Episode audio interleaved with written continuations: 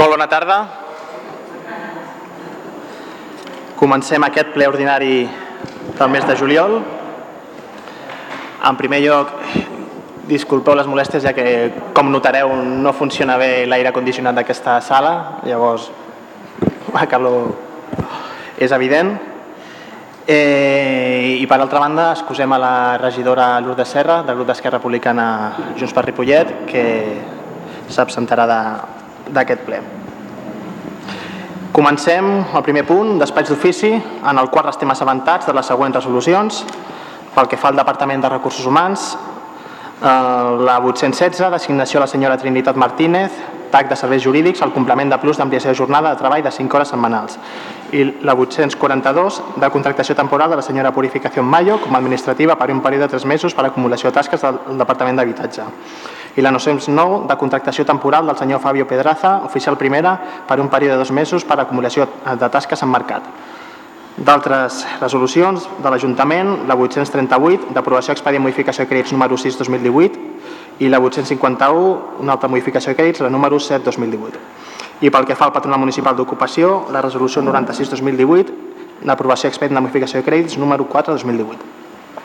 A banda, també restem assabentats de la remissió dels següents documents al, al, Ministeri, al Ministeri de Hacienda i Administracions Públiques, l'execució pressupostària del segon trimestre de 2018, corporació i patronats, l'informe al període mitjà de pagaments a proveïdors del segon trimestre 18 i l'informe al compliment dels terminis previstos a la llei de morositat del segon trimestre de 2018 de la corporació i dels patronats. I per últim, també restem assabentats de la notificació de la Direcció General de Política Financera, Assegurances i Tresor, i, i Tresor del Departament de la Vicepresidència, Economia i Disseny de la Generalitat de Catalunya de l'assoliment dels objectius del Pla d'Ajut en l'exercici 2016. Passem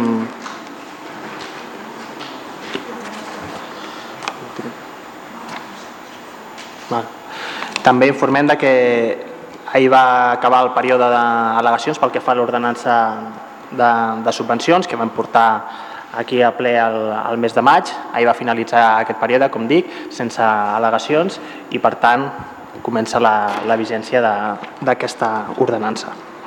Passem als punts d'acord. El primer d'aquests punts d'acord fa referència a l'aprovació de les festes locals per l'any 2019, en la qual la proposta i seguint la tradició dels darrers anys serien el dilluns de Pasqua a Granada, dia 10, 10 de juny i el dia 26 d'agost, dilluns de Festa Major. Posicionaments dels grups? Sí, bona tarda a totes i a tots. El meu vot és favorable. Gràcies. PDeCAT, a favor. Partit Popular? A favor. Ciutadans? A favor. A favor. PSC? A favor. Molt bé, doncs s'aprova aquest punt de les festes locals per unanimitat. Passem al punt tercer, relatiu a la pròrroga de la vigència dels acords relatius a la gestió del servei d'abastament d'aigua potable a favor de la de Sorea relatius als acords adoptats en sessió plenària de 2 d'octubre 68 i 28 de setembre 17. Aquest punt és donat que en el mes de juny aquest ple va rebutjar la municipalització del, del servei de l'aigua eh, i fins que estiguin fets els plecs i feta la nova licitació d'aquest servei, el que correspon eh, ara és aprovar la pròrroga de la vigència d'aquests acords d'adjudicació que en principi eh, caducaven el 20 el 2, el 2 d'octubre de 2018 i el que s'aprova és una pròrroga d'un any més que llavors arribaríem al 2 d'octubre de 2019 com a màxim. Esperem que durant aquest termini o bé hi hagi una nova licitació o bé hi hagi una reconsideració per part d'aquest plenari de la municipalització de, de l'aigua. Obrim eh, posicionaments i votacions. Sí, a favor. PDeCAT, a favor. Partit Popular, a favor. Ciutadans, a favor. PSC. Sí, a favor doncs també s'aprova amb el vot favorable a tots els grups aquest punt. Passem al punt quart, relatiu a les bases i la convocatòria del procés de selecció de la figura de gerència de l'entitat mercantil Genera, mitjà propi Ripollet, condicionada a la seva execució.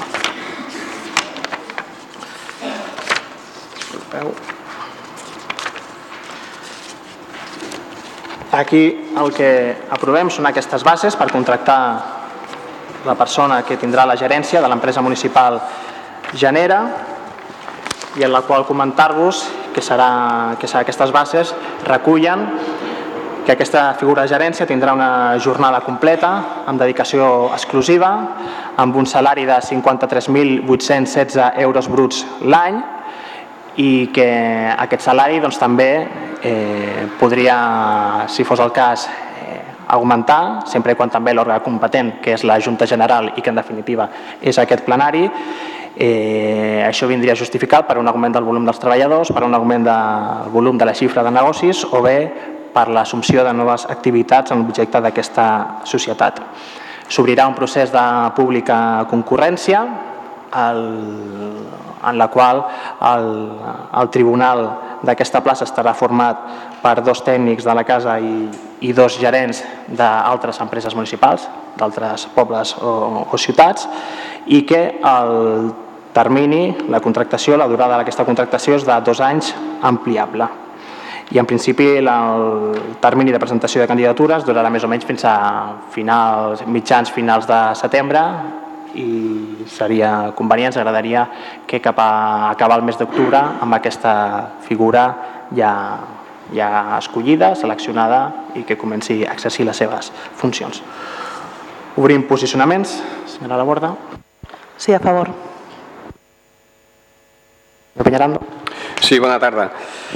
La veritat que aquí ara el que fem és un capítol més d'aquesta bueno, d'aquesta empresa que vostès han, han proposat i que han creat i que a més a més l'han creat com si fos l'empresa pròpia d'una formació o d'una coalició. Eh, per nosaltres és una mica curiós que vostès que sempre que han defensat les esposes públiques, han defensat les empreses públiques, eh, ara creïn una empresa com si fos, com si fos privada i ens expliquem. Eh, sempre han demanat pluralitat, el màxim de participació i ara recordem que han creat una empresa una empresa mercantil i per tant que s'ha de, de regular pel que són les normatives de les empreses i del registre mercantil, vostès ara creen una empresa on han negat la participació en els òrgans de decisió d'aquesta empresa a grups de l'oposició i han creat una empresa on han posat que dos membres del govern siguin representats eh, en lloc d'ampliar la participació a més grups municipals. Això és un clar exemple de que prediquen una cosa però a l'hora de la realitat fan una altra. Ara aquí el que ens presenten és la contractació d'un gerent que el que pretenen és valorar la persona no en funció de les proves que realitzin, sinó del currículum i d'una comissió que han creat eh, vostès per la selecció d'aquest personal i a més a més ja ens ho va explicar vostè en la comissió informativa i ara ho ha tornat a, a dir aquí, que ja marquen que el sou el pujaran en funció de la facturació o de, del nombre de, d'accions o el nombre de tasques que tingui aquesta empresa no en funció del que seria en qualsevol empresa mercantil, en funció de la seva compta d'explotació, en funció dels seus resultats i, en definitiva, en funció de que la seva viabilitat, estabilitat i, per tant, eh, que no generi despeses extres als veïns i veïnes de Ripollet. Volem aclarir perquè després també vostès a vegades quan fem aquestes crítiques fan una particular particular interpretació. Nosaltres no estem en contra de les empreses públiques, tot el contrari, creiem que són necessàries i que són positives. Ara bé, el que sí que estem en contra és de defensar aquesta història que vostès han creat, en molts casos a base d'informació esbaixada i fins i tot una mica manipulada i per tant el nostre vot per aquesta empresa o per aquest pas més que fan vostès en aquesta empresa no serà afirmatiu, o sigui, votarem en contra i no podem recolzar quelcom que vostès deliberadament i sense cap necessitat ens han negat la participació i que deliberadament i sense cap necessitat han negat la participació d'aquelles formacions polítiques que estan a l'oposició i no els diuen sí amén. Gràcies, Partit Popular. Sí, desde el Partido Popular eh, no, no, vamos a hablar en general, porque no se trata de esto. Eh, digo en general el tema de las empresas públicas, empresas municipalizadas, porque eh, cada municipio es diferente y el caso de Ripollet, mm, vaga redundancia, es diferente de que los demás. No voy a entrar en detalles, pero digamos, eh, la valoración, incluso económica, que se hace del alcalde, de la que se hace de un regidor de la oposición, es de 1 a 10, para que nos entendamos todos. ¿no? Eso no ha evitado que un grupo como el que nos gobierna, que prometía muchísimas cosas, muchos cambios y muchas igualdades y muchas cosas, no ha ni pestañeado en un pleno tan mm, deshomogéneo en, el sentido, en este sentido precisamente, insisto, no han pestañeado en convertirlo sin como que no dice nada, en convertirnos en pleno de Junta General, cosa que algunos hemos estado explicando aquí de varias maneras, con el detalle que ha sido necesario, que estamos en completo desacuerdo. Estamos en completo desacuerdo, eh, eh, mm, insisto, por el caso concreto de Ripollet por nuestra estructura de ayuntamiento, por nuestras condiciones económicas, por nuestra coyuntura eh, en cuanto a lo que es eh, nuestra situación incluso geográfica y en conjunto eh, para nada invita a que tirando de recursos municipales y tirando de un sistema administrativo y organizativo como el particular de Ripollet, nos pongamos aquí alegremente a convertir regidores que estamos, yo creo, que muchos grupos, parece ser que el de oposición no, estamos de acuerdo en que en muchas ocasiones es más vocacional que de otra manera, nos vemos abocados a ser, insisto, pleno de Junta General y aquí estamos eh, escogiendo un gerente para cosas que, en el caso de Ripollet, insisto, desde el Partido Popular lo hemos repetido muchas veces, lo más oportuno es hacer un buen uso del dinero de todos, hacer pliegos de condiciones lo más favorables posibles, favorables posibles para el bolsillo de nuestros vecinos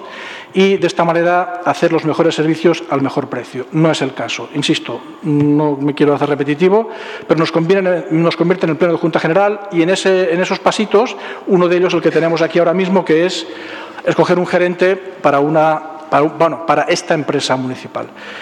Desde el Partido Popular de Ripollet, insisto, no podemos estar en mayor desacuerdo, por lo tanto nuestro voto será en contra.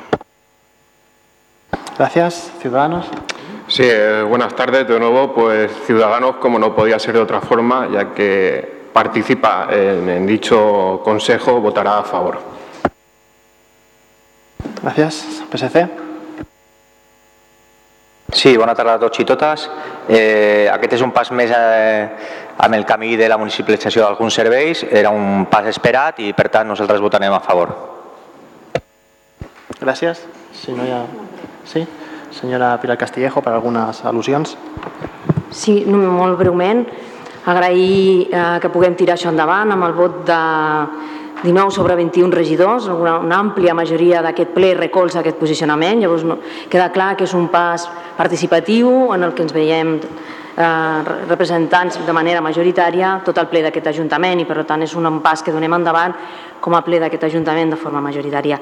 I per tirar-lo endavant el que el, en projectes que els podem municipalitzar perquè hem demostrat que aquesta és la forma més eficient econòmicament i que per tant això és el que, el que ens permet tirar endavant aquests projectes. És la manera d'invertir molt millor els diners dels nostres ciutadans perquè hem demostrat que econòmicament és la forma més eficient. Doncs agrair a tothom que puguem tirar això endavant i, i res.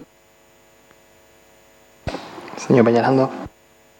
Simplement per puntualitzar, m'ha semblat entendre que la senyora Pilar Castillejo deia 19 de 21. Crec que serem, seran com a molt 18 de 21. Eh, a partir d'aquí, ja li hem comentat moltes vegades, eh, la participació i el gran èxit de la participació és facilitar i participar aquells que no pensen igual que vostè només deixar participar els que pensen exactament no és el millor exemple de ser transparent, de ser participatiu i de donar cabuda a totes les opinions, que és el que vostès, torno a recordar-li, han fet en aquest punt i en la creació d'aquesta empresa. Bueno, jo crec que el nostre grup no pensa el mateix que el PSC i no pensa el mateix que Ciutadans, per exemple. És a dir, hi ha una diversitat aquí força, força gran al, al respecte. No obstant, amb el vot eh, contrari de PDeCAT i Partit Popular i el vot favorable de la resta, queda aprovat aquest punt. Passem al punt de les mocions. La primera presentada pel grup de Ciutadans, relativa a la ubicació dels xiringuitos de la Festa Major en l'espai del recinte firal. Qui la defensarà? Senyora Pérez, endavant. Buenas tardes a todos. La fiesta mayor de Ripollet es uno de los acontecimientos populares que mayor número de personas concentran en nuestro municipio Algunos de los popularmente conocidos como chiringuitos o bares de algunas entidades se ubican tradicionalmente en la zona de Parc Gasó Vargas, generando durante los días que transcurre la fiesta mayor numerosos problemas acústicos y de otra índole al vecindario de la zona. El Grupo Municipal de Ciutadans, Partido de la Ciudadanía, propone al Ayuntamiento de Ripollet la adopción de los siguientes acuerdos. Primero, declarar zona libre de chiringuitos el espacio o parque de la zona Gasó Vargas. Segundo, ubicar cualquier actividad relacionada en la zona del recinto ferial a fin de paliar las molestias que se ocasiona al vecindario. Gracias. Turno de posicionamiento. Señora Laborda. Sí, a favor. PDeCAT. Sí, bona tarda. Nosaltres, tal com es demana i es proposa en aquesta moció, estem totalment en desacord en la ubicació que, que s'ha fet amb els xiringos i estem en total, o sigui, totalment d'acord amb el que es demana aquí de que aquesta ubicació s'ha de canviar. Volem remarcar, perdó, volem remarcar que això tampoc és una qüestió d'oportunisme i que ens manifestem ara perquè els senyors de Ciutadans han presentat una moció. És més, volem remarcar que quan això ja es va treure en el seu moment en el Patronat de Cultura, nosaltres, malgrat ens vam quedar sols, vam manifestar, com a mínim en la reunió que hi érem, eh, no, no dic que tothom eh, ho recolzés, perquè potser hi havia formacions que no hi eren presents en el moment de la votació, però nosaltres vam manifestar i vam votar en contra d'aquesta ubicació que es va plantejar i es va eh, aprovar. Dit això, també creiem, i ho volem manifestar, que el que han fet per part del grup municipal de Ciutadans creiem que no és la forma correcta de procedir. La respectem, no diem que no compleixi les normes estrictament legals o el que és estrictament el reglament, per tant, no estem entrant en aquest anàlisi perquè seria absurd, vostès ho han fet complint totes les normes, però des del punt de vista del respecte polític i sobretot des del respecte a les diferents òrgans de decisió, d'anàlisis i de participació que tenim en aquest poble, creiem que no és la forma de procedir. Diem que no és la forma de procedir perquè hi ha una comissió de la Festa Major i aquesta comissió de la Festa Major és la que aprova, la que organitza. És evident que nosaltres aquí som sobirans per decidir i en definitiva el que fa la comissió és una proposta que aquí s'han d'aprovar. No estic dient que obligatòriament vostès hagin de recolzar el que diu aquesta comissió, però el que també sí que és evident que aquesta comissió, millor o pitjor, això és valorable i jo no estic entrant ara si és millor o pitjor, porten ja un temps treballant i ara a pràcticament una setmana, i dic una setmana perquè el temps hàbil i el temps eh, laboral, els dies laborals són mínims, crec que no toca que ho fem amb aquesta moció el canvi de la, de la ubicació. Per tant, eh, creiem que això s'hauria d'haver presentat aquí fa ja uns plens o fa ja uns mesos perquè no és nova aquesta ubicació. Dit això, també voldria remarcar aquí ara doncs, el que són les casualitats de la vida. Juliol 2003, quan la senyora Pilar Castillejo no seia en aquesta banda, sinó que seia ubicat on està el senyor Fran i el senyor Ramiro, i quan era regidora de l'oposició, vostè va presentar una moció en els mateixos termes, una moció el dia 31 de juliol pel canvi d'ubicació del recinte o del tema de fira. Quan ja també teníem amb una comissió, amb una comissió participativa diferent a la que tenim ara, ho reconeixem i ja ho hem dit moltes vegades, perquè precisament quan es va crear aquesta nosaltres també vam defensar que la comissió inicial es podia canviar, però quan ja teníem el programa decidit per la comissió, quan ja teníem el contacte amb els firaires, quan ja tot estava engestit, vostès van presentar una moció per fer aquest canvi d'ubicació. Ara que són govern, veuran que això no és lògic i crec que fora bo que ho recordéssim. I ara també nosaltres doncs, volem fer menció que en aquell moment van votar en contra d'aquella moció que vostès van presentar i que en aquests moments també tornem a votar en contra de la moció que ha presentat Ciutadans i per, exactament pels mateixos motius. Ara bé, també m'agradaria que prenguessin nota la senyora Castillejo i que prenguessin nota el senyor Uriol Mor.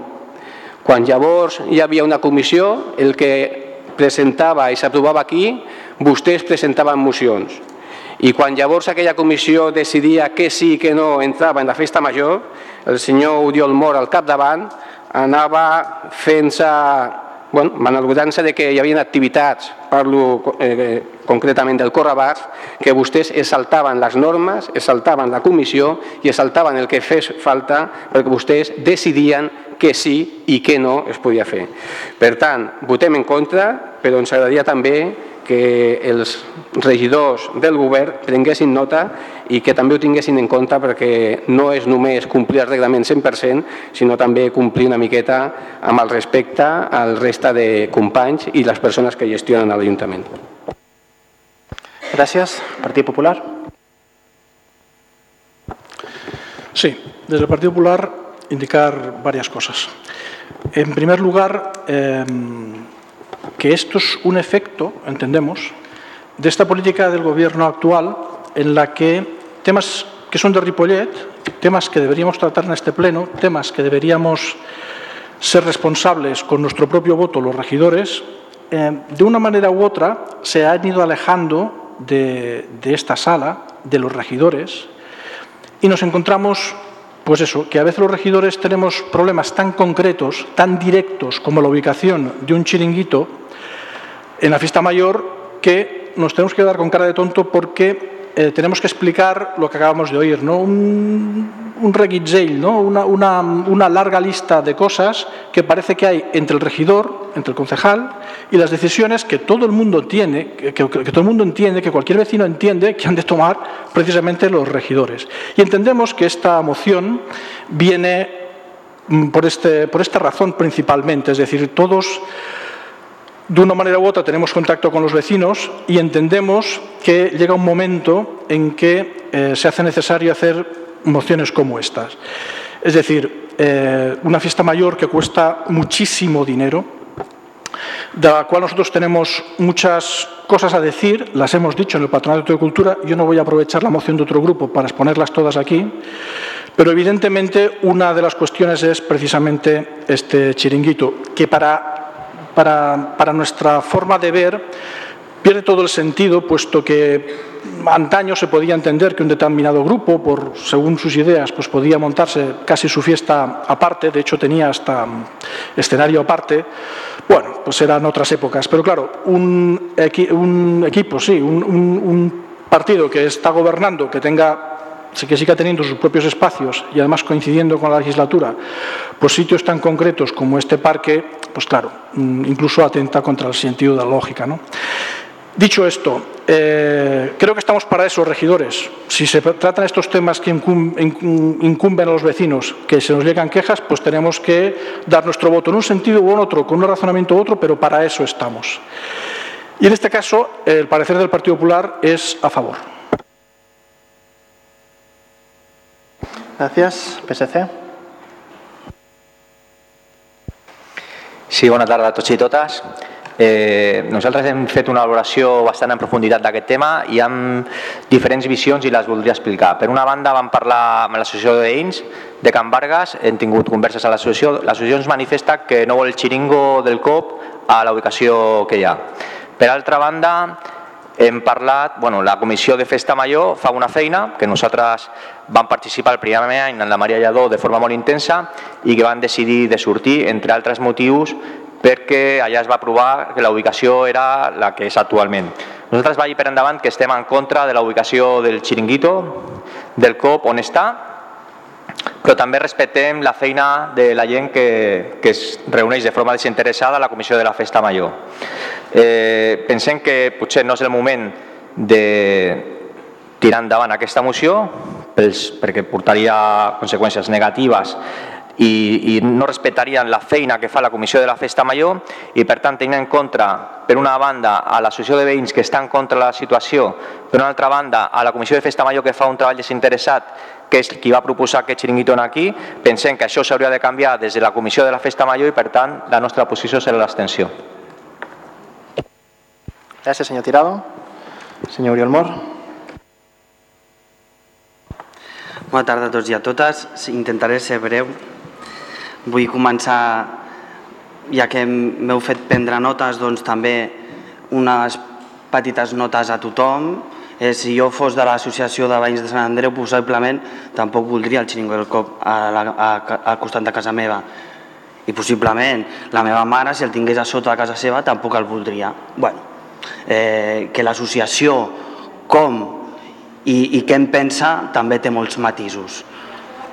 Val? Eh, superem ja el... Bueno, l'associació té diferents... es pot veure diferents matisos. Jo no sé si és estic en contra o no vull que això succeeixi o no ho sé. Jo l'únic que dic és que hi ha membres també de l'associació de veïns dins de la comissió de festa major i arriben eh, també altres visions.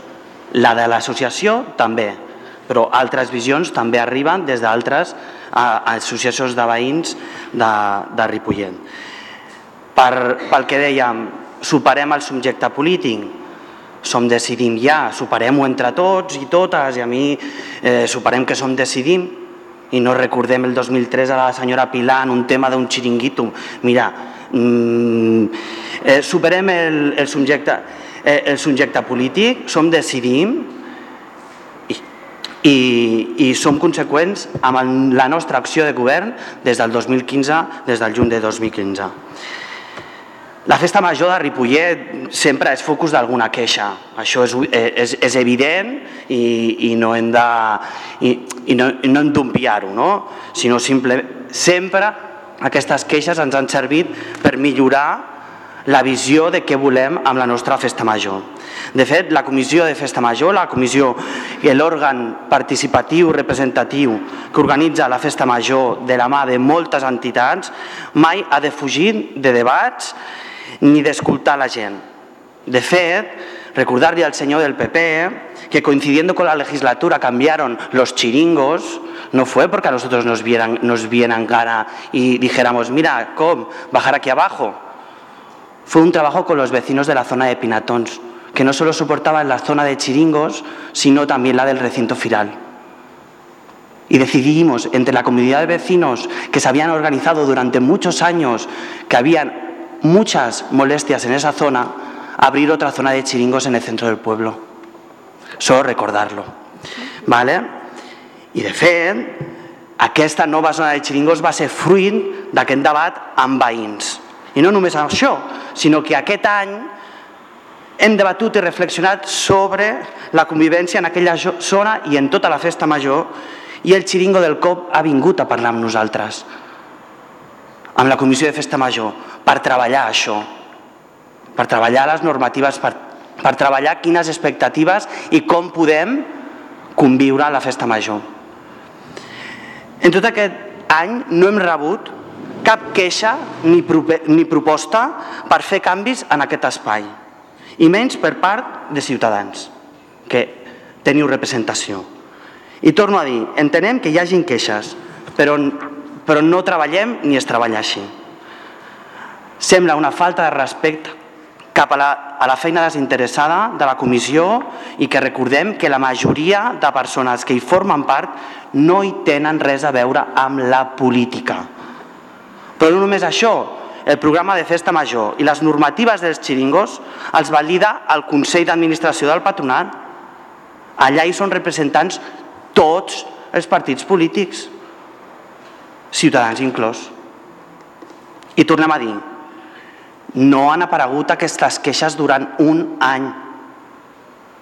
Per tant, presentant això en forma de moció i al mes de juliol entenc que no hi ha ganes ni cap tipus d'interès a solucionar les problemàtiques reals al costat dels veïns i les veïnes intentant fer de la festa major una festa major on puguem conviure sinó més aviat treure rèdit polític, partidista i electoralista, d'una situació que tornem a repetir. Pot ocasionar molèsties als veïns, i ho diem, i pot ocasionar-les. Una vegada aprovat eh, pel Patronat de, Municipal de Cultura la normativa de xiringos i signats els contractes, perquè els contractes ja estan signats amb totes les entitats, la votarem en contra. La votarem en contra per les formes, perquè no és l'espai, no és el lloc ni el moment. Vetllarem, com hem intentat sempre, complir els acords que hi ha en el nostre contracte. Gràcies. Hi ha alguna... primer lloc al grup proposant i després... Sí, abans, Jaume Barra. Sí, senyor Mor, evidentment que estem aquí per fer política i per treure o no rèdits. És cert que tots parlem amb els veïns i és cert que darrerament hi ha hagut molts veïns de la zona que s'han adreçat a nosaltres per presentar aquesta queixa i que possiblement no tinguin ni constància que hi ha una comissió que existeix de la festa major. I l'únic vehicle que tenen és o bé presentar una instància o bé adreçar-se a un dels grups que estem aquí. Evidentment que fem política i a partir d'avui ens sentim lliures, no els hi càpiga cap dubte, per assenyalar amb el dit davant dels veïns a tots aquells que fan possible això que nosaltres demanem que es retiri. Gràcies. Alguna qüestió? Sí, senyor Peñarando? Sí, només puntualitzar algunes dels comentaris que ha fet el senyor Oriol Mor, perquè jo crec que a vegades quan, una, o sigui, quan s'actua en política, que també ja m'agrada que tots reconeguem que aquí estem fent política, perquè fins fa un temps resultava que només feien política, política uns i els altres eren veïns, eh? però ja tots són polítics, doncs perfecte, i tots venim a fer política, perfecte, i és molt legítim.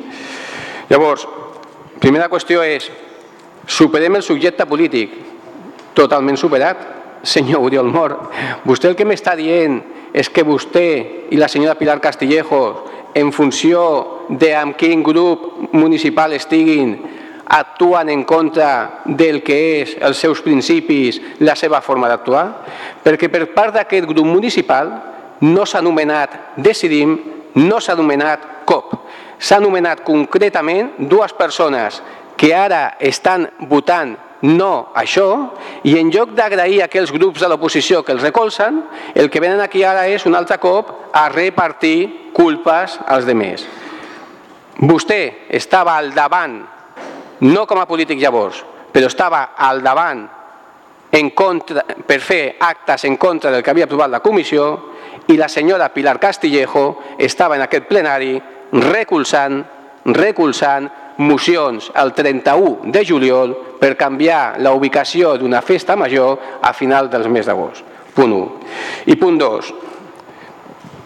Senyor Mor, van participar durant el canvi de legislatura en aquest canvi d'ubicació que vostè diu ara. També li demanem respecte i que no ens tracti aquí com si siguéssim escolanets que farem el que vostè diu. Aquest canvi d'ubicació aquest canvi d'ubicació, vostès el van tirar endavant perquè hi havia un xiringo que era el que no complia de forma escandalosa els horaris aprovats per aquest Ajuntament, que és el xiringo del COP. I quan se'ls va demanar que havien de complir l'horari com tots, vostè, entre d'altres, vostè personalment, va defensar que això era molt difícil i que, per tant, el que fèiem era un canvi d'ubicació, no per complir l'horari, sinó per portar el soroll a un altre lloc. Vostè és el que va defensar això. Per tant, és ara, com ja hem fet d'altres anys, ara, com ja hem fet en algun ple de setembre de l'any 2016 o del 2017, el que els hi demanem és que, com a mínim, en la mesura que puguin i utilitzant les eines que tenen, facin complir els horaris, que és l'obligació que vostè té ara com a polític al govern d'aquest Ajuntament i que a vegades prendre decisions contra els col·legues amb els quals abans preníem cerveses i ara també és dur, però està per sobre de tot, aquesta és la seva obligació. I per últim, nosaltres ja hem dit que votem en contra d'aquesta moció per respecte a la comissió. Per tant, ara no vingui a dir-nos qui fa o qui té respecte a la comissió. Són diverses les formacions que li hem votat en contra de la moció precisament per respecte a aquesta comissió.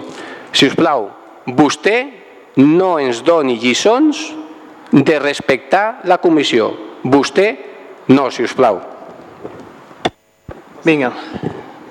Molt breument, sisplau, perquè el, el debat comença a estar esgotat i, i no crec que sigui moment de repetir certes coses. Si és molt breu i directe, endavant, si no...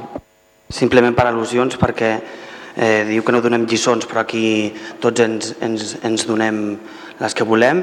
Només aclarir una cosa, el Correbars no feia el que li donava la gana, el Correbars només demanava permís per fer l'activitat fora del programa de festa major. No es posava en contra de la comissió de festa major i no he volgut entrar abans perquè crec que no tocava, però ja que ho diu dues vegades, li recordo. Vinga, jo per part meva, per una banda, de nou recordar i agrair tota la bona feina que fa la gent de la comissió de senyor Peñarando, ja crec que el debat està eh, esgotat. Si és, si és molt breu i directe, perfecte. Agrair la feina tota, que fa tota la comissió de, de Festa Major, no des d'ara, des d'aquest mandat, sinó ja des de fa molts anys, la Comissió de Festa Major porta fent una molt bona feina i és gràcies a tota aquesta feina, no de, no de la tres anys, sinó de tota la vida, que la nostra Festa Major de, de, de Ripollet, en els actes oficials com els que s'han organitzat també eh, més enllà d'aquest programa, són els que han contribuït a tenir que la nostra Festa Major sigui una de les millors de, de la comarca i del nostre territori. També jo com el, és evident, queixes sobre la situació del xiringo, sobre els sorolls allà, doncs jo crec que ja ho hem dit tots, no? tots en, en rebem i jo també com a, com a alcalde doncs, també eh, n'he rebut eh, en, en altres ocasions som conscients de que aquesta situació pot arribar a generar molèsties als veïns. Aquest, aquestes molèsties també s'han debatut en el si de la Comissió de, de Festa Major i espero, per la confiança que tinc aquesta comissió, que s'hagin pres mesures al, al respecte. Una de les coses que també m'agradaria és que quan parlem d'altres entitats, d'altres associacions, que anem una mica tant uns i altres, que, que moderem el, que no siguem tan taxatius en les, en les opinions d'uns i altres, perquè efectivament segurament dins de, de totes aquestes entitats hi ha, hi ha diferents matisos i, i opinions.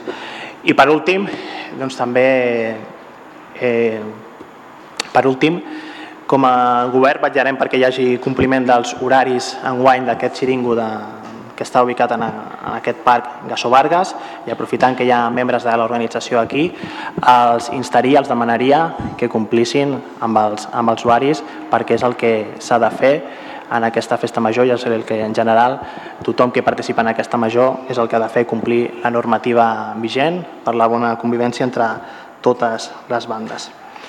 Bé, en aquesta moció, amb el vot contrari del PDeCAT, de, decidim l'abstenció del PSC i el vot favorable de Ciutadans, PP i la regidora no escrita queda, queda rebutjada. La següent moció està presentada per grup del PSC relatiu a, les rebaixa, a exigir les rebaixes de les taxes universitàries un 30%. A Junta de Portaveus s'ha decidit la seva retirada per consensuar-la amb altres grups, però no obstant, senyor Tirado, si vol comentar alguna qüestió, vol comentar alguna qüestió? No, com, com moltes vegades hem manifestat, nosaltres pensem que l'educació no és un tema de debat polític i amb la voluntat de consensuar la moció eh, amb la resta de grups polítics i de millorar-la, hem decidit retirar-la per tal de durant el mes de setembre poder-la treballar en profunditat en altres grups i, i aprovar-la en l'àmplia majoria. Gràcies. Ho agraïm, senyor Tirado. Passem llavors a la següent moció presentada pel grup de Decidim relativa al suport a la vaga i als treballadors i treballadores d'Amazon. Senyor Ramiro Moldes. Bona tarda a totes i a tots. Amazon és una de les primeres plataformes de comerç electrònic del món. El web amazon.com va començar la seva activitat l'any 1995 i va centrar la seva primera etapa en la venda de llibres per internet. Pocs anys després, la plataforma es consolidava com una de les botigues electròniques més grans del món. El seu fundador i propietari Jeff Bezos és l'home més ric del món, segons la llista Forbes. A finals de maig, diferents seccions sindicals de la plataforma logística de San Fernando de Henares, entre les que es troben eh, Comissiones UGT i CGT, van convocar diverses accions contra Amazon i una vaga de 72 hores durant la setmana del Amazon Prime Day, una de les majors campanyes de vendes de la companyia. La vaga ve motivada per la pèrdua de drets laborals per part dels treballadors i treballadores com ara la congelació dels salaris, la reducció del preu de les hores extres, la pèrdua de plans de protecció contra malalties, etc. Aquesta pèrdua de drets és conseqüència directa de la decisió unilateral d'Amazon de no renovar el conveni col·lectiu propi i començar a aplicar el conveni provincial de logística. Els dies 16, 17 i 18 de juliol, treballadors i treballadores de la plataforma de Sant Fernando de Henares van exercir pacíficament el seu dret de vaga amb un seguiment mig d'un 80%. Amazon, per la seva banda, va contratar persones mitjançant agències de treball temporal per intentar bloquejar el correcte desenvolupament del dret constitucional a vaga dels treballadors i treballadores. El dia 17 de juliol, unitats antiavalos de la Policia Nacional van carregar contra una vintena de treballadores que realitzaven un piquet informatiu de forma pacífica als voltants de la planta. Aquesta actuació es va saldar en, divers, en diverses detencions i persones ferides entre la plantilla que exercia el seu dret a vaga. Degut a la duresa de les càrregues i l'actuació per part d'Amazon, els sindicats amb representació al comitè d'empresa de la planta de San Fernando es plantejaven presentar una denúncia davant la inspecció de treball per vulneració del dret a vaga. A més, les imatges de violència del dia 17 de juliol han despertat un sentiment de solidaritat entre treballadores i treballadors d'Amazon d'arreu d'Europa que han traslladat les accions de protesta a països com Alemanya o Polònia. Arrel dels fets, succeeix durant el dia 16, 17 i 18 i amb l'objectiu de contribuir a garantir els drets fonamentals dels treballadors i treballadores des de les institucions, a Ripollet, a Catalunya i al conjunt de l'estat espanyol proposem al ple l'adopció dels següents acords. Primer, manifestar el suport i solidaritat de l'Ajuntament de Ripollet, al conjunt de treballadors i treballadores d'Amazon i comitè d'empresa de la plataforma de Sant Fernando de Henares. Segon, condenar enèrgicament la violència policial emprada durant les càrregues del dia 17 de juliol i sol·licitar explicacions formals al Ministeri d'Interior sobre l'autorització i execució de l'actuació policial. Tercer, sol·licitar, sol·licitar institucionalment a l'òrgan d'Inspecció de Treball i Seguretat Social que iniciï les accions corresponents per aclarir si hi ha hagut vulneració de dret de vaga per part de l'empresa. Quart, traslladar l'opció del següent acord al comitè d'empresa de la plataforma de Sant Fernando de Henares, a les seccions sindicals que en formen part, a la resta de comitès d'empresa d'Amazon, a l'Estat espanyol, al Ministeri de l'Interior i a l'òrgan d'Inspecció de Treball i Seguretat Social. Moltes gràcies. Gracias. Torna de posicionamiento, señora Laborda. Bien, decir que la huelga de trabajadores y trabajadoras que se hizo en marzo en San Fernando de Henares pasó factura a sus contratados, ya que no les han renovado sus contratos. La empresa ya no es solo que quiere hacer retroceder en derechos laborales, quiere escarmentar y humillar a la plantilla que ha apoyado la huelga. Por eso, como no, votar a favor y dar todo el apoyo que haga falta. Gracias. PDCAT, a favor. Partit Popular? Abstenció. Ciutadans? Ciutadans respectem el dret a la vaga de l'article 28.2, però ens estindrem perquè no podem compartir el punt 2 sobre la violència policial. Perfecte. PSC? Molt bé, doncs amb l'abstenció del Partit Popular Ciutadans i el vot favorable de la resta, queda aprovada aquesta moció. Passem, passem a la darrera moció presentada per les persones per la plataforma Persones Refugiats i Migrants de Ripollet i Cerdanyola del Vallès. És una proposta que ens va fer arribar als diversos grups municipals que està subscrita per part dels grups de Decidim, PSC, Esquerra Republicana i, i PDeCAT i també en temps informe, com s'ha informat a Junta Portaveus, un membre de la plataforma en representació d'ella, va demanar poder intervenir en el plenari per presentar la moció. Així doncs, abans de procedir al posicionament de cadascun dels grups, li cediríem la paraula al senyor Montpel.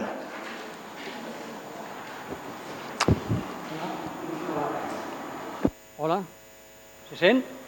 Sí? Bueno, primer de tot, moltes gràcies per donar-me l'oportunitat de poder intervenir en aquest ple i de fet el que llegiré serà un breu sobre el tema que vostès ja disposen, perquè em consta que ja ho van rebre, Doncs eh, bé, em dic Joan Carles Montpel, com bé ha dit l'alcalde, no? i represento la plataforma de suport a les persones refugiades i migrants de Ripollet. De Ripollet, Cerdanyola, del Vallès, que forma part de la coordinadora d'Obrim Fronteres. Bé, i l'exposició seria aquesta, no? L'empadronament és l'acte de registrar-se a l'Ajuntament del municipi de residència habitual i que determina que aquella persona que es considera veïna d'aquella població, per part de la ciutadania, el padró és una obligació i un dret. Per la seva banda, l'administració té l'obligació de garantir-ne el seu exercici. Cal tenir en compte que a la inscripció padronal s'assoleix la condició política de ciutadà de Catalunya i aquesta, per tant, és la porta d'entrada a diversos drets considerats bàsics. És per aquest motiu que facilitar la inscripció al padró esdevé una peça clau per evitar condicions de vulnerabilitat de les persones que resideixen al municipi.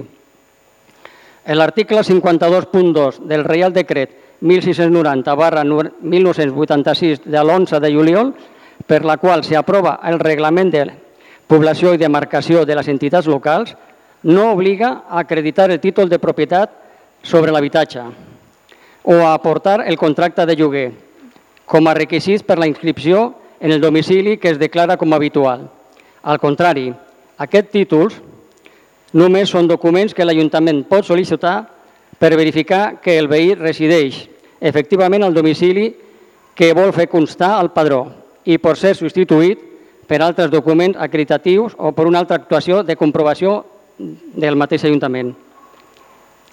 En aquest sentit, les persones que ocupen un habitatge encara que no disposin de documentació, han d'estar degudament inscrites al padró municipal. L'informe al Parlament 2017 dels síndrecs de Grelles disposa que la negativa a inscriure en el padró les persones que efectivament hi resideixin habitualment pel sol fet de no poder lliurar un títol d'ocupació no està fonamentada en criteris jurídics. La decisió sobre la inscripció s'ha de basar en la residència efectiva al domicili de l'alta i no en el dret a residir a l'habitatge. Aquest darrer cas implica jutjar qüestions de naturalesa privada que no són competència de l'administració local. El padró és un registre administratiu en el qual consten els veïns del municipi i reflecteix el domicili on resideixen, amb independència dels drets que puguin correspondre a la persona o no pel fet de residir-hi. En la mateixa voluntat s'expressa la resolució de 4 de juliol del 1997 de la, president, de la presidenta de l'Institut Nacional d'Estadística i del director general de la Cooperació Territorial, per la qual es dicten instruccions tècniques als ajuntaments sobre actuació del padró municipal, que assenyalen que la possibilitat que l'Ajuntament demani al veí el títol que legitimi l'ocupació de l'habitatge no atribueix a les administracions locals cap competència per jutjar qüestions de propietat, d'arrendaments urbans o, en general, de naturalesa jurídico-privada, sinó que té com a única finalitat servir d'element de prova per acreditar que, efectivament, el veí viu al domicili que ha indicat. De la mateixa manera, les persones sense domicili fix o sense llar que resideixin al municipi poden ser inscrites al padró municipal si així ho sol·liciten, ja que malgrat no ser posseïdors d'un títol de propietat o un contracte de lloguer d'habitatge, poden acreditar la seva residència a través d'altres procediments o actuacions administratives, segons estableix la resolució de 30 de gener del 2015 de la presidència de l'Institut Nacional d'Estadística i de la Direcció General de Coordinació de Competències sobre Gestió del Padró Municipal. L'empadronament d'aquestes persones s'ha de realitzar sense condicionants, ni requeriments específics, ja que aquesta pràctica podria incomplir la llei 7 barra 1985 reguladora de les bases del règim local, que no detalla restriccions o requisits per fer constar la residència del sol·licitant d'empadronament i no comporta a la ciutadania altres obligacions més enllà de la mera inscripció. El padró no és una eina per regular la sobreocupació o altres polítiques de l'àmbit de l'habitatge i l'urbanisme. Així mateix, la guia de recomanacions de la taula de ciutadania i immigració que ha rebut el suport de l'Associació Catalana de Municipis i Comarques i de la Federació de Municipis de Catalunya estableix que El padró tampoc és un mecanisme de control del parc d'habitatges i que demanar altres documents com la cèdula d'habitabilitat, dipòsits o altres dificulta l'empadronament i, per tant, va en detriment dels objectius del padró. I per últim, com a conclusions, aquest, per aquests motius, es proposa al ple de l'Ajuntament de Ripollet l'adopció de les següents acords. Primer, facilitar l'accés del padró i l'emissió de certificats que hi van associats atenent al que disposa la llei vigent. A. El títol de propietat o contracte de lloguer de l'immoble. És recomanable, però no imprescindible, per la tramitació del padró, tal i com regula la Real Decret del 1690 barra 1986. B. En la tramitació de l'empadronament, més enllà dels documents de títol de propietat o contracte de lloguer d'habitatges, cal incloure com a vàlids els diferents títols, documents, gestions i actuacions administratives que permeten acreditar domicili o residència al municipi en persones sense domicili fix o sense sostre. Els serveis socials emetran un informe que acrediti aquesta situació i se li assignarà una adreça a efectes de comunicació tal com preveu la normativa legal vigent. Persones en situació d'ocupació d'habitatge, per a la comprovació de la veracitat de les dades relatives a la residència quan no hi hagi un títol que n'avali l'ocupació. L'informe Parlament 2017 de la Sindicatura de Greuges recorda que el gestor municipal pot acceptar altres documents, per exemple, factures de subministraments, pot demanar un informe a la policia local o pot fer inspeccions a partir de les quals, si es confirma que la persona hi viu, li haurà de donar d'alta en el padró. En el cas que s'opti per una visita de la policia local al domicili, aquesta mai anirà identificada amb l'uniforme. I acabo. Per tal d'evitar extremitacions o alarmes en relació a aquestes persones abans de les suspensions, caldrà adoptar totes les mesures d'informació necessàries per tal que la persona conegui la voluntat de la visita. Persones sense cap tipus de documentació personal s'acceptaran com a vàlids registres consulars i, en el seu defecte, actes notarials de reconeixement personal. Segon, descartar l'ús del padró com una eina de combatre les situacions de sobreocupació d'habitatges, de control del parc d'habitatges o d'altres polítiques de l'àmbit de l'habitatge i l'urbanisme, en aquests casos, s'empraran els processos i les actuacions d'inspecció que contempla la llei 18 barra 2007 del 28 de desembre del dret de l'habitatge i si en el moment de l'empadronament se suscita la sospita d'un ús anòmal de l'habitatge, des del padró s'ha de derivar a l'àrea d'habitatge perquè s'actue en eh, consonància.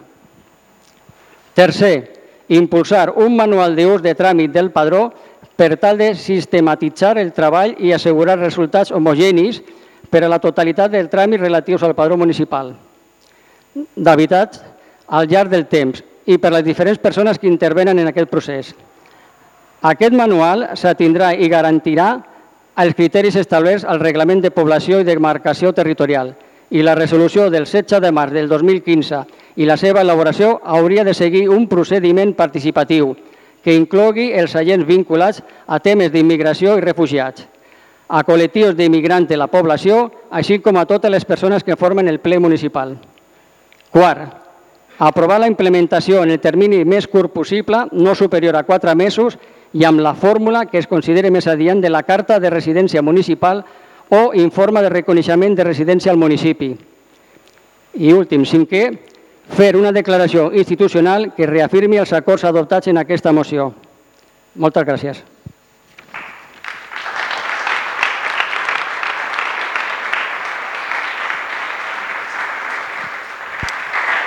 Moltes gràcies, senyor Montpel. Obrim torn de posicionaments. Sí, a favor. Senyora Guarda, a favor. PDeCAT, a favor. Partit Popular.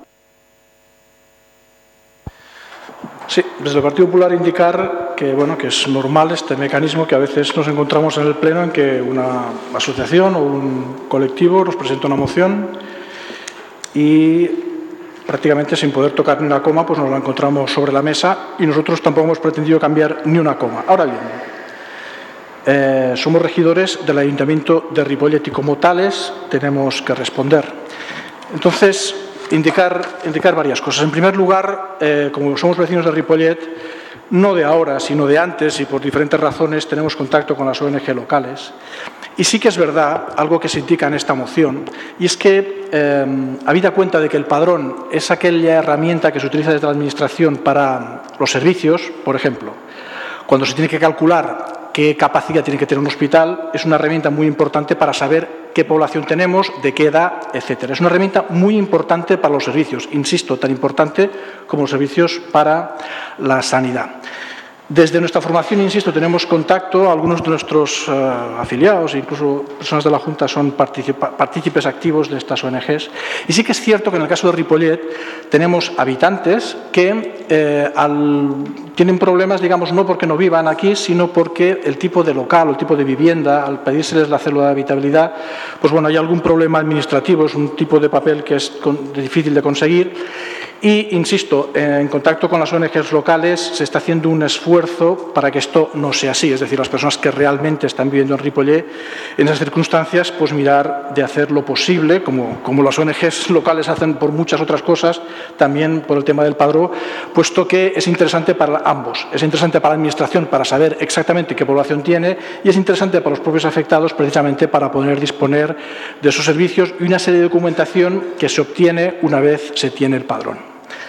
Dicho esto, el texto para nosotros tiene tres problemas. El primero a veces es simplemente, bueno, yo entiendo que para una asociación presentarse a un pleno municipal o a una administración pública, pues bueno, supongo que interviene mucha gente en un texto, se ponen muchísimas cosas y, por ejemplo, uno se encuentra en el punto segundo que aunque la primera frase es descartar el uso del padrón como una herramienta para combatir las situaciones de sobreocupación de, habitaje, de, viviendas, nos encontramos que en el mismo párrafo al final precisamente cuando esto se detecta y precisamente porque se está actuando sobre el padrón, pues se derive al área de, de, vivienda para que se actúe en consonancia. Por lo tanto, a ver, o lo utilizamos o no lo utilizamos. Por lo tanto, aquí tenemos un problema de incoherencia. Luego también hay un problema, supongo que es por todo lo que hemos vivido esta legislatura, y es que en el punto tercero se habla de impulsar un manual de uso de trámite del padrón, que no ahora no lo alargaré, no, lo repetiré, pero que sí que dice que su elaboración tendría que seguir un procedimiento participativo. En fin, eh, no me voy a alargar sobre la experiencia que tenemos sobre los procedimientos participativos en Ripollet, lo que sí desde el Partido Popular nos preguntamos es qué pasaría si realmente pusiésemos estos en marcha, convocásemos a los vecinos a reuniones para decirles que, eh, entre otras cosas, lo que se pretende aquí es que se facilite el acceso al padrón literalmente a las personas en situación de ocupación de vivienda. No solo que se les facilite a los ocupas el, el acceso al padrón, sino que además hemos desde el ayuntamiento hemos hecho un texto conforme, cuidado, que no vaya la Guardia Urbana sin avisar, cuidado, que la Guardia Urbana vaya sin uniformar, etcétera, etcétera, etcétera. Digo que a ver qué pasaría, porque eh, estas personas que ocupan viviendas, voy a ser lo más políticamente correcto posible, en Ripollet están provocando muchísimos problemas. Yo no soy capaz de decirle a ningún vecino que como regidor voy a ponérselo fácil a estas personas que provocan problemas de, eh, de convivencia y que mientras a unos vecinos para cualquier papeleo se nos pide de todo, a estas personas les vamos a pedir, por favor, hasta que nos abran la puerta. ¿no? Claro, eh, insisto, son las circunstancias que tenemos, son las circunstancias concretas también de Ripollet, pero de ninguna manera para nosotros el texto tal como está en las circunstancias particulares de Ripollet es aceptable. Dicho esto, eh, me quedo con la cabecera eh, y todo el respeto hacia las personas refugiadas e inmigrantes, ahora se le ha quitado la I de delante, Em, porque, eh, bueno, todos, todos llegaremos a casa, encenderemos la televisión y veremos lo que ha pasado. Entonces, claro, em, hay muchas personas que están huyendo de la guerra de lo más terrible posible y tenemos que diferenciar como políticos, pero también como vecinos, la diferencia que es entre ayudar e integrar. Ayudar como personas creo que estamos obligados en cualquier circunstancia. Integrar creo que deberíamos hacer todos una reflexión, no ser cínicos, y integrar como ha pasado a nuestros compatriotas cuando se han salido fuera, eh, no implica eh, destruir las reglas, las reglas de convivencia ni las normas del lugar que uno se ve forzado a, digamos, visitar. Por estas razones, el voto del Partido Popular será en contra. Ciutadans. Sí, desde Ciudadanos compartimos prácticamente ¿Ya? Vale. Digo, desde el Grupo Municipal de Ciudadanos compartimos prácticamente el 98% del texto de la moción que se presenta, pero manifestar que ya en la Junta de Portavoces hemos solicitado si se podía suprimir un apartado, el párrafo tercero del apartado B, concretamente dos líneas que hace referencia a las personas sin ningún tipo de documentación, más que nada para casar nuestro posicionamiento con el posicionamiento del partido a nivel de la legislación estatal. Entonces no ha sido posible porque los firmantes pues, han considerado legítimamente que tenían que mantener el texto y por lo tanto nuestro voto va a ser la abstención. Gracias. PSC. Senyor Francolí. Sí, el nostre vot serà favorable. Gràcies. Decidim. Senyor Gran Sánchez. El nostre vot serà a favor i dir que ja hem mantingut un parell de reunions en la plataforma precisament per començar a tractar aquest tema. És un tema realment urgent. Ja tenim, a més, una proposta sobre la taula que l'estem començant a treballar i només mm, de, de veritat que m'han esgarrifat les paraules del senyor Víctor Dieguez, que està en el seu dret de dir absolutament el que vulgui, només faltaria, però m'han esgarrifat perquè quan hi ha una sobreocupació de, de, de persones en una vivenda no és perquè aquestes persones vulguin estar en aquestes condicions. Moltes vegades és perquè no, no s'hi queda més remei, no? I tenen el mateix dret que qualsevol altra persona d'estar inscrites al padró. Quan es diu que els policies no poden anar uniformats a visitar aquestes persones, però sí que poden anar a paisar, és precisament per no estigmatitzar i que no passa res de greu, perquè sempre es relaciona molt aquesta estigmatització de que la policia pot anar a visitar aquestes persones. Eh, torno a repetir que cadascú té el seu dret de, de votar el que li convigui des del seu partit, però realment no sé si és perquè ara té un dirigent nou al seu partit, però és un, que vostè voti en contra d'això, pot que no estigui d'acord, es pot abstenir, però que voti en contra d'això jo ho trobo esgarrifós e inhumà. I per la resta, eh, donar les gràcies al senyor Montpel, donar les gràcies a la plataforma que està avui aquí recolzant-nos ja i, i, i defensant els drets d'aquestes persones i que sobretot aquest padró és una eina essencial. El padró dona dret a l'educació, et dona dret a la sanitat, i et dona dret a, a ser una persona amb tots els teus drets i llibertats. Gràcies. Molt bé, doncs si no hi ha cap més intervenció, amb el vot contrari del Partit Popular, l'abstenció de Ciutadans i el vot favorable a la resta, queda aprovada aquesta moció. Agrair de nou a la plataforma haver assistit aquí, haver presentat aquesta moció i endavant amb tota la feina que teniu, que, que teniu, que tenim per endavant i sobretot ara també per fer seguiment i per poder desenvolupar i implementar tot el que en aquesta moció recull. Gràcies per assistir.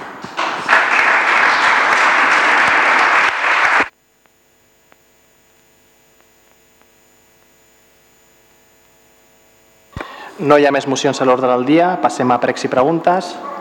Senyora Laborda? No? Senyor Peñarando? Sí, per part nostra tenim una, una pregunta i dos, dos pregs. La primera pregunta i el, el primer prec és... Bueno, la primera pregunta és per la senyora Pilar Castillejo i és eh, al respecte, que també la fem extensiva al senyor alcalde, perquè ens han arribat informacions contradictòries i és al respecte del posicionament i quines són les actuacions que té previstes aquest equip de govern amb tot el que fa referència al mercat municipal i més concretament amb la possible reubicació del Mercadona. Diem que ens han arribat informacions contradictòries perquè ens comenten de reunions amb la primera tinent d'alcalde on es parla que s'està proposant o analitzant una possible canvi d'ubicació, on s'està proposant fins i tot tancar les galeries tal com estan eh, previstes o tal com estan funcionant ara, reunions amb el senyor alcalde on el que es diu és totalment el contrari, que les galeries no es tocaran, Segurament que al final hi ha interpretacions, eh, les dificultats de la comunicació, però el que sí que demanaríem a aquest govern, a aquest alcalde i la primera tinent d'alcalde, doncs que es posicionin, que ens diguin què és el que volen fer i sobretot que tanquem doncs, aquestes dubtes que estem generant a les persones que estan directament eh, vinculades i que al final recordem que allò, a part d'un servei per a la ciutadania, també és una forma i un treball que, del qual han de viure doncs, moltes famílies de Ripollet. Per tant, esperem que ens puguin eh, aclarir quin és el seu posicionament i dir-los també que sempre estem a, a la seva disponibilitat per intentar buscar solucions, eh, consensos i tot el que siguin polítiques que puguin activar el que és el nostre mercat municipal en singular i el comerç local en, en general. Després, el següent que volíem fer-li és un prec a la senyora Pilar Castillejo.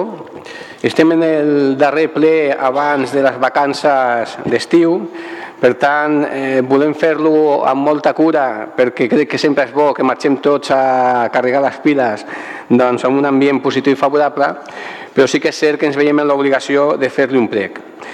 És un prec al respecte d'unes gravacions que ens han fet arribar per diverses fonts, d'una participació seva en unes xerrades sobre municipalització municipal. No, no entrarem, no entrarem en moltes parts del que vostè diu allà, perquè ja hem fet debats aquí en el ple i ha quedat clar que els posicionaments són diferents, que els punts de vista doncs, no coincideixen. Nosaltres sempre hem dit que ho respectem i que al final enriqueix escoltar diferents opinions, però sí que li demanem un plec molt concret i molt específic i és en les seves comentaris, denúncies o deixar certs punts de foscor al respecte del que han estat la forma d'actuar dels regidors de l'oposició. Més concretament, vostè ha comentat allà que hi ha hagut reunions amb Sorea, que hi ha hagut aprofitaments personals, qüestions eh, salarials. En definitiva, ha plantejat un dubte que ho ha plantejat sobretot els regidors de, de l'oposició o sobretot aquells regidors que no han defensat el que vostè opinava llavors el que li demanem és molt fàcil si vostè coneix d'algun regidor o d'algun grup municipal que ha actuat de forma incorrecta, que ha, s'ha tret un aprofitament personal o que la seva votació ha estat a costa de l'interès dels veïns, sinó per un benefici particular, ens té al seu costat per anar a denunciar-lo i dir-lo públicament. Si no és així, el que demanem és que es retracti. Però en un municipi com el Ripollet, que vostè parlava en la seva xerrada sobre nombre d'habitants, quan som, tipologia diferents, en un municipi com Ripollet, on al final tots som poble, eh, queda molt lleig que per part d'una regió del govern vulgui, per defensar la seva posició, doncs simplement tacar de forma col·lectiva el que han estat la votació d'altres regidors. És més, i li diem en positiu, Sempre l'hem dit, vostè és una persona molt intel·ligent, és una persona amb moltes capacitats i estem convençuts de que és capaç de defensar les seves opinions sense haver d'entrar en posicions que deixin dubtes sobre la honestitat o sobre el treball de la resta de regidors. Per tant, li demanem que ho aclareixi qui són o qui és aquest regidor o qui és aquesta força política i si no que es retracti d'aquestes eh, declaracions en les quals, torno a dir, deixava en mal lloc el que al final són companys d'altres formacions, però companys d'aquest plenari. I per últim, volíem fer un prec, aquest sí directament al senyor alcalde. Eh, volem dir-li, senyor alcalde, que li fem directament a vostè perquè confiem en que vostè pugui posar solucions. Li fem directament a vostè perquè ens posem a la seva disposició. I li fem directament a vostè perquè després de que ja només falta un any de legislatura, amb el senyor Ramiro, les seves pors, les seves diferències amb, amb el que opinen d'altres membres del Consell d'Administració, o el seu desconeixement, o no sabem ben bé què, després d'haver-nos ofert moltes, moltes vegades, al final mm, no té clar que tots estem aquí per col·laborar i per ajudar. En aquest moments hi ha una entitat que té 50 anys, que és el Club de Handball Ripollet, que està passant per una situació difícil i que nosaltres el que volem recordar-li que és una entitat amb més de 50 anys d'un esport doncs diguem no majoritari una entitat que ens ha donat moltes alegries al municipi i en definitiva una entitat que ha estat també representant del moviment associatiu esportiu Ripollet que sempre hem dit que és molt viu, molt ric i que ens ha donat molt a, a la nostra vila. L'Ajuntament en primera instància i el PAME com a òrgan gestor i impulsor de l'esport local tenen com a funció en aquest àmbit de l'esport ajudar i fomentar l'esport entre les entitats locals. Per tant, creiem que això és eh, funció bàsica nostra. Saben vostès, i sap vostè personalment, que s'ha produït situacions estranyes. Nosaltres mai demanarem que ni el regidor o algun membre del PAME o l'alcalde es pugui reunir amb qualsevol veí o amb qualsevol col·lectiu que vulgui crear una entitat, evidentment, però sí que demanem que ajudem, recolzem i que busquem les vies del consens. És paradigmàtic que vostès que han fet bandera de que volien fer unions de diferents entitats d'esports majoritaris, resulta que ni tan sols tinguin l'amabilitat d'un esport com el handball, que és minoritari, parlar amb l'entitat local. O si més no, parlar per la iniciativa pròpia. Som conscients, senyor alcalde, que vostè ha començat a prendre mesures, l'únic que li demanem i l'únic que li oferim primer que ens deixi parlar, com nosaltres li deixem parlar a vostè, fins i tot quan en el lloc, en l'últim lloc que per això té l'atribució, però deixi'm parlar. L'únic que li demanem és que, que sàpiga que la resta de grups també estem per ajudar i que demanem que compleixin la normativa que hi ha al PAME. La normativa que, que hi ha al PAME deixa ben clar quin tipus de categoria tenen les entitats en funció de si tenen base o no tenen base, diu ben clar quan es poden donar les instal·lacions i quan es poden donar les pistes d'entrenament.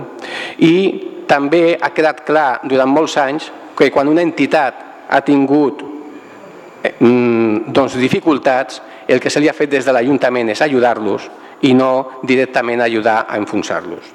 Per tant, els demanem o li demanem directament que prengui cartes en, en aquest tema i per últim, agafant les paraules que deia al final el senyor Oriol Mor, això no es, te, no es tracta de, de treure rèdits polítics.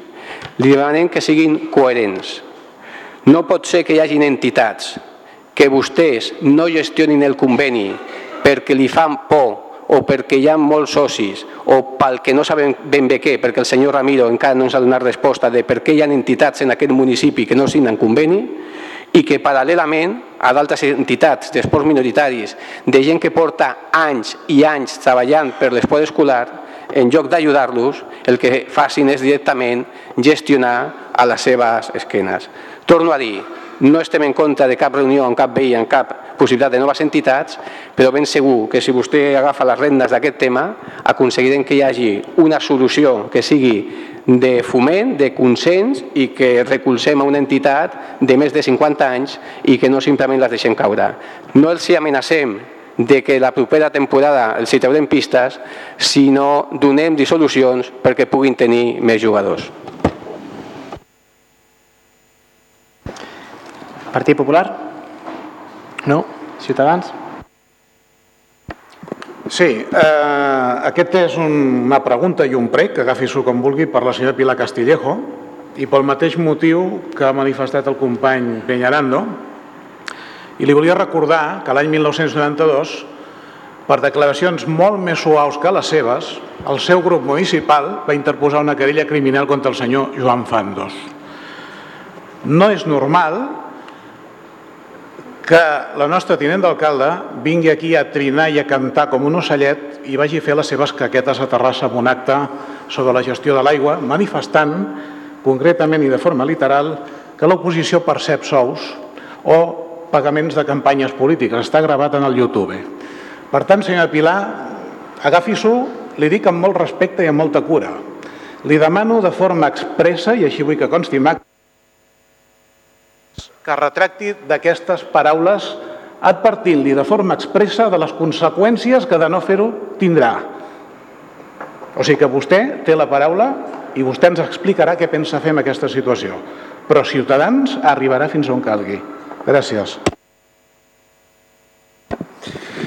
Sí, eh, aprovechando que hoy están presentes los miembros de la Junta del Club Handball Ripollet, a los que por otro lado el grupo de ciudadanos le da la bienvenida al, Pleno, queremos mostrar nuestro apoyo más sincero a la entidad eh, que precisamente este año celebra su 50 aniversario una entidad que fue fundada ya por el 1968 por gente como Ignasi Soler, Narcís Ayepuz o José Antonio Díaz y que no hay que olvidar que en el año 76 obtuvo el ascenso a categoría nacional, es decir, que estamos hablando de una entidad con el suficiente recorrido, tanto local, autonómico como nacional, para que el gobierno municipal lo tenga en cuenta de cara a solventar cualquier tipo de problema que pueda atentar contra su continuidad. Hay que tener en cuenta que estamos hablando de una entidad, como antes se ha comentado, que hace una enorme labor de cantera a nivel local. Muchos son los niños y niñas que participan en esta entidad y no podemos dejar que tanto esos niños y niñas como la propia entidad desaparezcan. Por lo tanto, eh, instamos tanto al señor alcalde como al señor concejal de deportes a que hagan todo lo posible eh, para apoyar eh, al Club Handball de Ripollet, no para que compita la próxima temporada, sino para que perdure y pueda celebrar otros 50 años más. PSC. Hola, bona tarda. Bona nit ja. Fer un prec en aquest sentit li farem al, al, bueno, al concejal d'Esports, ens sumem a la, al prec del, del, del company eh, Peñarando i també de, que ha fet ara mateix el Tàpies, senyor Tàpies, perquè considerem que des del patronat, en aquest sentit, eh, entenem que no, no s'ha fet l'esforç suficient per intentar garantir eh, el, com a mínim el reconeixement d'una entitat que porta que aquest any fa 50 anys. En aquest sentit, creiem que el patronat ha d'actuar sempre amb transparència, qual cosa crec que no s'ha fet, ha de garantir la quantitat d'una entitat que porta el nom de Ripollet per tot arreu i representa la nostra vila i que a més a més durant tot aquest recorregut que ha treballat la base de forma molt exhaustiva i el seu, el seu, bueno, el seu transcorregut ha treballat molt bé tota la base, que es forma part de, del, del club i de l'entitat, és, és una cosa que s'ha de cuidar. En aquest sentit, creient que és molt important que l'Ajuntament, en aquest sentit, o el concejal, hagués actuat de forma, com a mínim, intentant mediar entre el conflicte que actualment tenim aquí a Ripollet, que no és un conflicte d'una entitat en concret, però no és una entitat, el problema és un conflicte que tenim, que tenim tot aquí a Ripollet. Bàsicament perquè és un esport, com han dit, que no és un esport majoritari, és un esport minoritari, i el que pot passar és que d'aquí dos anys l'entitat desaparegui. I això crec que ni Ripollet ens ho podem permetre i crec que una entitat com la que representen aquí, els, els que estan aquí, els, els, el, el Jordan, el, el Penya i la resta de, de l'equip que està aquí, crec que no ens mereixem això. Gràcies.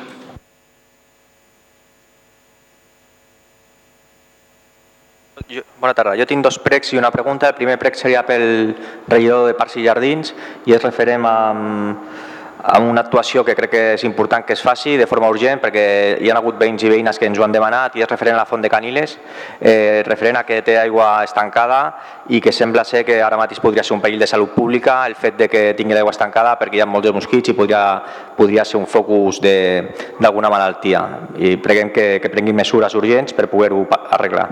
Després, el segon prec és eh, a la senyora Castillejos, voldria sumar a les declaracions de, del Xavier Peñarando i del senyor Gavarra, totalment d'acord amb les declaracions, pensem que, que no és digne de Ripollet un regidor, o en aquest cas una regidora, que va a fer xerrades públiques eh, defensant el seu partit a la CUP eh, en temes de l'aigua municipal i que deixa malament la resta de regidors i regidores i dient que Sorea que quins, quins interessos tindrà els grups municipals per recolzar amb una empresa privada i això vostè ho ha dit, textualment ho ha dit a les declaracions i ho hem vist amb un vídeo de 15 minuts de duració i tots els grups jo crec que, que ho hem pogut veure, tots els regidors i regidores. Crec que que vostè hauria de rectificar i si no per nosaltres eh, serà indigna. I referent als oscurs interessos ara anirà la pregunta i li torno a fer. Ja és el quart ple que li faig sobre els oscurs interessos. Per què no ens diu d'una vegada els diners que s'han gastat en estudis? Ja és el quart ple que li, li faig aquesta pregunta i ja porto 120 dies esperant la resposta dels diners que s'han gastat vostès amb, amb estudis i per tipologia d'estudi, òbviament. Gràcies.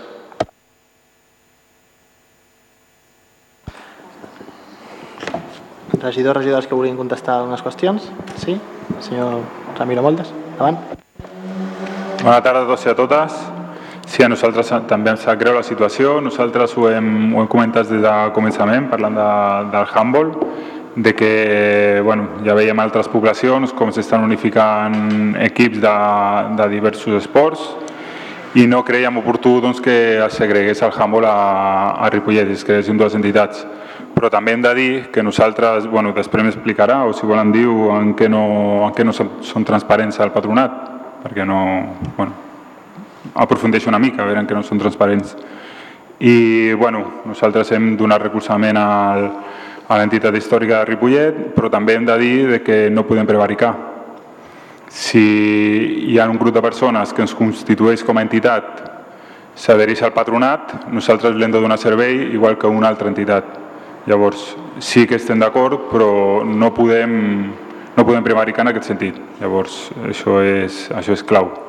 Després, eh, bueno, eh, per al senyor de, de Convergència, comentar-li doncs, que bueno, vostè diu doncs, que sempre està, està a favor i per poder dialogar, però bueno, els que ens trobem al Consell d'Administració potser també hem de fer alguna gravació i constatar doncs, la, seva, la seva forma de, de dirigir-se a la presidència en, en aquest sentit i veure com, com això d'ajudar eh, no és en cap sentit. Primer, des de començament, doncs ja no va haver no haver traspàs de, de regidories, hauria estat molt amable per la seva part, doncs vindre i, i comentar doncs, en, el moment, en el moment que estàvem, el que s'estava treballant des de patronat, però no ho va fer i doncs, en aquest moment doncs, continuem amb una bel·ligerància molt forta i, i que la patim doncs, per culpa del senyor de Convergència. Doncs això també s'ha de comentar i convidar els, la, la resta de grups polítics de que el Consell d'Administració, els polítics han de venir, han d'assistir i estem, bueno, estem molt sols allà. Doncs, també els convidaria doncs, a, que, a que vinguessin al Consell d'Administració i participessin de, de les decisions que ens prenen. I bueno, doncs, al Culhamon Ripollet doncs, ja els vam oferir la mediació, a veure si, si en aquest moment doncs, podem tirar-la endavant o, o es, es repensen aquesta, aquesta forma d'intentar vehicular una solució amb els dos clubs i bueno, que, que ens tenen doncs, per quan, quan ho necessitin, doncs aquí estem doncs, per donar suport. Gràcies. Més intervencions? Senyora Pere Castillo. Doncs si no hi ha cap més intervenció, jo per part meva sí que voldria comentar alguna qüestió, en especial bueno, la qüestió referida al tema que tots els grups municipals han fet de soc, ara també el regidor d'Esports ha comentat, i és el tema que avui ens eh, saludem els membres de la Junta i membres del Club de Handball Ripollet, aquesta situació que estan patint, com també jo personalment els he manifestat, de fet, aquest mateix eh, matí, aquesta situació que s'està produint no és de l'agrat ni del club, ha suposat, ni d'aquest govern i entenc que per les, per les manifestacions de tots els grups tampoc és de l'agrat d'aquest eh, ple municipal. I de fet va en la línia contrària del que han fet l'Ajuntament i el PAME en especial estem fent. Volem i estem treballant perquè hi pugui haver unificacions en el futbol. En el tema bàsquet també s'estan treballant alguna cosa i ara trobant-nos amb la possibilitat de que hi pugui haver una disgregació pel que fa al club de handball, a més el club històric, com s'ha reiterat per part del regidor Tàpia i d'altres, de 50 aniversaris, doncs no és la línia que nosaltres volem ni que perseguim com a govern municipal. Així els hi hem expressat i així jo crec que també ho hem manifestat, ho hem, ho hem demostrat en fets amb altres eh, esports que, com dic, hi ha, hi ha disgregació, hi ha més d'un club i volem tendir cap a la unificació. El suport d'aquest Ajuntament i d'aquest govern, jo crec que també, a més, en aquest 50è aniversari ha estat més que evident, s'han tingut diverses trobades, diverses reunions, eh, col·laboracions, la més visible i segurament la més rellevant i que ens ha fet eh, molta il·lusió a totes les parts és precisament aquesta equipació de la commemoració d'aquest eh, 50è aniversari que ha suposat també un canvi de, de colors, en els colors històrics que el club sempre ha tingut per tal de prioritzar, de potenciar doncs, també una marca, uns colors propis que puguem, puguin compartir els diversos clubs de, de, de Ripollet. Llavors, en aquest sentit, per part d'aquest Ajuntament, en aquest 50 aniversari, hi ha hagut molta feina que crec que l'hem fet bé, que s'ha fet de forma positiva i que s'han vist els resultats. Eh, en cap cas, pel que jo tinc entès, no hi ha hagut cap amenaça ni vetllada ni directa de retirar cap hora al Club Handball Ripollet. Això en cap cas, regidor d'Esports pot reiterar i en tot cas jo com a alcalde ho torno a reiterar. No hi haurà, no hi haurà aquesta retirada d'hores i diria que això no s'ha produït eh, mai, aquesta amenaça, i en tot cas mai sota el nostre eh, consentiment o acceptació. Mm, I en definitiva, doncs, com també el regidor, en la reunió que van, van tenir dilluns, els hi va manifestar, com jo mateix, en aquest matí, ens teniu a la vostra sencera disposició per ajudar en el que faci falta aquesta eh, malaurada situació que s'ha produït i en la mesura del possible el que l'Ajuntament podem col·laborar per seguir amb la unitat en el handball i per, sobretot, seguir amb aquest històric Club Handball Ripollet, ens teniu al vostre costat per tot el que, el que calgui, perquè és aquesta la línia política que volem seguir i diria que és la que hem seguit i la que hem demostrat amb, amb fets.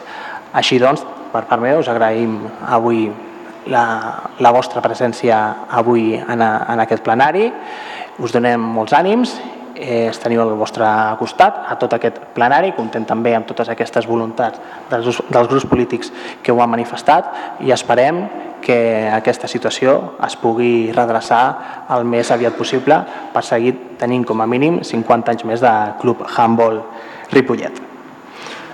Dit això, si no hi ha cap més qüestió, la resta de temes no resolts es respondran en el, en el seu moment. Acabem aquest ple de, de juliol, en el qual doncs, us desitgem unes bones vacances, que gaudiu d'aquest mes d'agost, d'aquest estiu, i que entre tots i totes carreguem les piles també pel curs polític que comença al setembre i que també serà llarg. Bona tarda i també ens veiem a la festa major. Bona tarda.